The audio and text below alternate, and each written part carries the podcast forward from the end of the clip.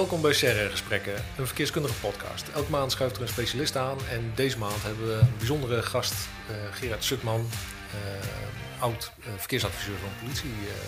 Gerard, welkom.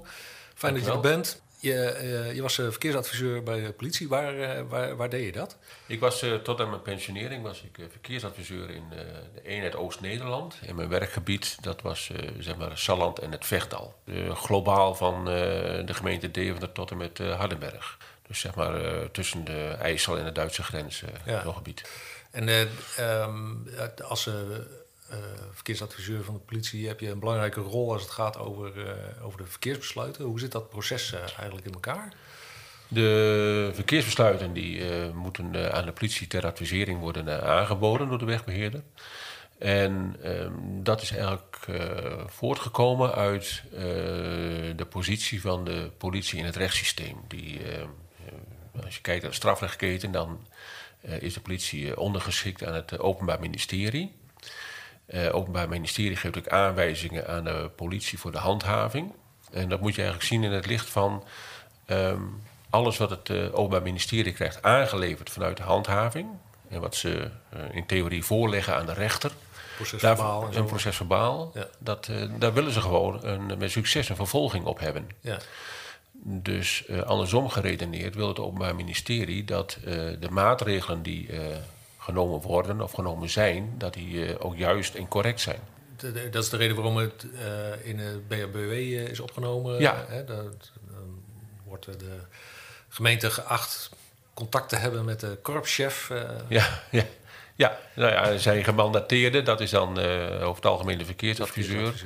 En die toetst dan uh, het verkeersbesluit op, uh, op de juridische juistheid in ieder geval. Dus het, het gaat om juridische juistheid en om handhaafbaarheid? Dat, zo moet ik dat. ja, ook om de handhaafbaarheid.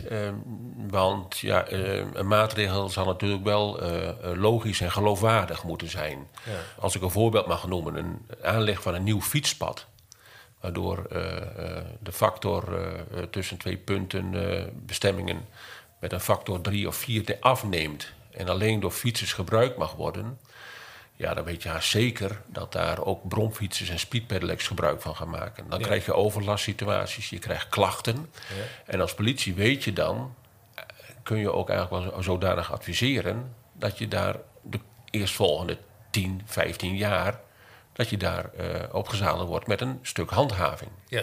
En uh, dat is ook een rol van de politie. Van, is het wel geloofwaardig en levert handhaving dan ook een gewenst resultaat op? Ja. Zou zo'n zo'n voorbeeld dan leiden tot een negatief uh, politieadvies? Dat, dat kan zeker dat leiden tot een negatief ja. politieadvies. Terwijl, terwijl het juridisch misschien goed in elkaar zit. strikt genomen daarmee dus ook handhaafbaar is. Ja.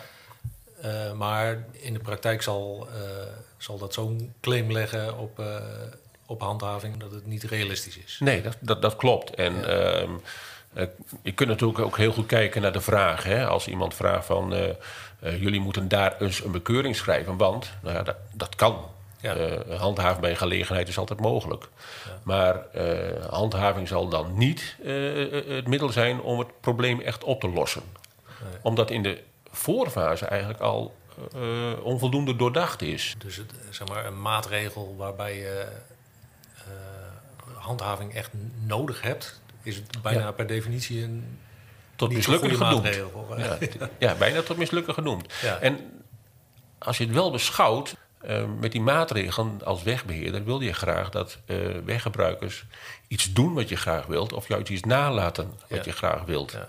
Dat zal uit, altijd het uitgangspunt moeten zijn van een ver, verkeersbesluit. Ja. Maar kan ik me ook voorstellen dat je bijvoorbeeld een maatregel treft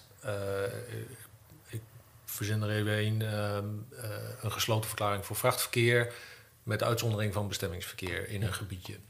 Daarvan weet iedereen dat dat eigenlijk niet handhaafbaar is. Maar er zal wel een zeker effect van uitgaan.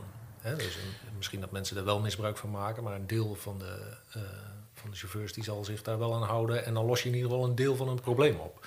Is dat dan een slechte maatregel? Leidt dat tot een negatief politieadvies? Of kan dat dan ook zijn van ja, we, we kunnen dit niet handhaven, maar we begrijpen. Hoe, ja. hoe, wat is dan de, de overweging van de politie?